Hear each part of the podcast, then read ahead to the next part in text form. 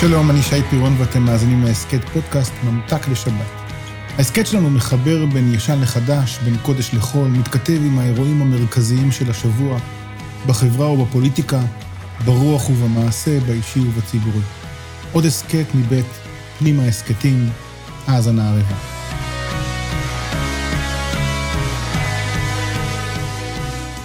מה עושים עם ההיסטוריה? בלימודי היסטוריה יש ברכה גדולה, משקל זהותי עמוק, יכולת של אדם לפעול בתוך הקשר רחב ומשמעותי, ובעיקר למידה מעמיקה שתכליתה למנוע כישלונות בעתיד. אלה שלא לומדים מההיסטוריה עלולים למצוא עצמם חיים אותה שוב. להיסטוריה יש גם צדדים פחות נעימים. ההיסטוריה יכולה להיות משתקת, ההיסטוריה יכולה להיות עול. ההיסטוריה לא תמיד מאפשרת להשתנות, היא לא תמיד מותירה מרחב של בחירה ועיצוב חיים חדשים. היסטוריה עלולה לבחון כל הזמן עד כמה אנחנו נאמנים לעברנו, גם אם יהיה בכך כדי לפגוע בעתידנו, ובעיקר, היא מעמידה את האדם מול צורך לבחון את ההווה והעתיד ביחס למה שהיה בעבר. המציאות מוכיחה שבני אדם לא בנויים לכך. מישהו כבר אמר, מההיסטוריה אנו למדים שאנשים לא למדו כלום מההיסטוריה. ואם לא די בכל אלה, ההיסטוריה אינה אמת מוחלטת. היא לא בהכרח מדע. לפעמים היא אינה אלא תוצר של אמת היסטורית, נרטיב לאומי, כפי שהוחלט לספרו. הביטו סביב על הסיפור ההיסטורי שלנו ועל הסיפור ההיסטורי של שכנינו הפלסטינאים. זה לא רק ויכוח על שתי מדינות לשני עמים, זה בעיקר ויכוח על שני סיפורים היסטוריים שונים בתכלית. מחד, ההיסטוריה היא אוסף נטול חיים של ידיעות מוטלות בספק, מאידך, איננו יכולים להימלט ממנה. אני חש בדילמה הזאת פעמים רבות, גם בשאלות הרות גורל, לאומיות או בינלאומיות, וגם בשאלות אישיות. עד כמה התודעה ההיסטורית מצמיחה לי כנפיים, עד כמה היא רובצת עליי כאבנר חיים.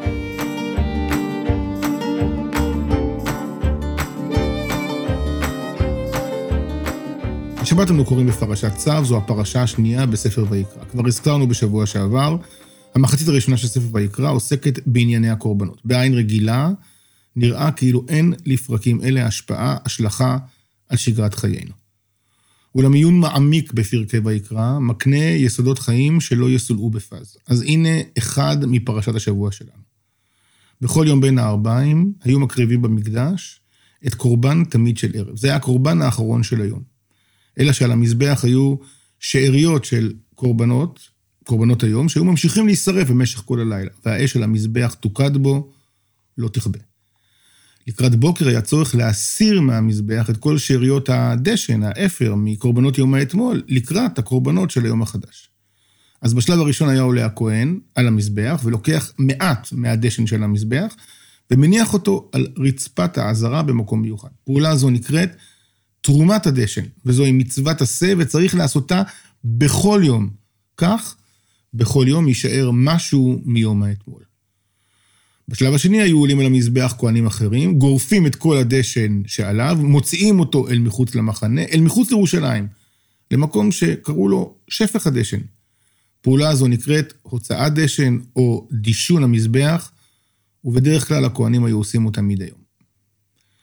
אני חש שמלאכת תרומת הדשן ומלאכת הוצאת הדשן מהוות בסיס להתמודדות של כולנו במערכת היחסים שבין אתמול, היום ומחר. על הכהן לבחור משהו מאמש, את העיקר של אמש. אי אפשר שכל הדשן, שכל מה שנשאר ממה שנשרף ילווה אותנו בכל יום, בכל שעה. אז אנחנו צריכים לבחור משהו מאתמול ולפזר אותו על רצפת העזרה. היינו, להשתמש בו כמוקד לעזרה.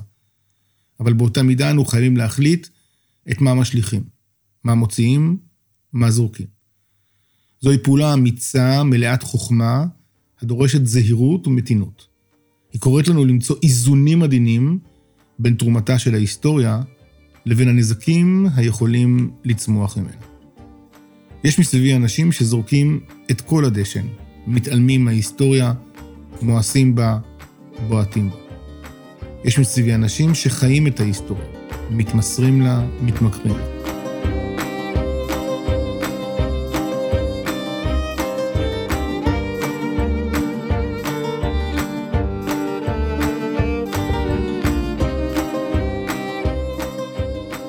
אז הנה היום אנו חוגגים את חג הפורים.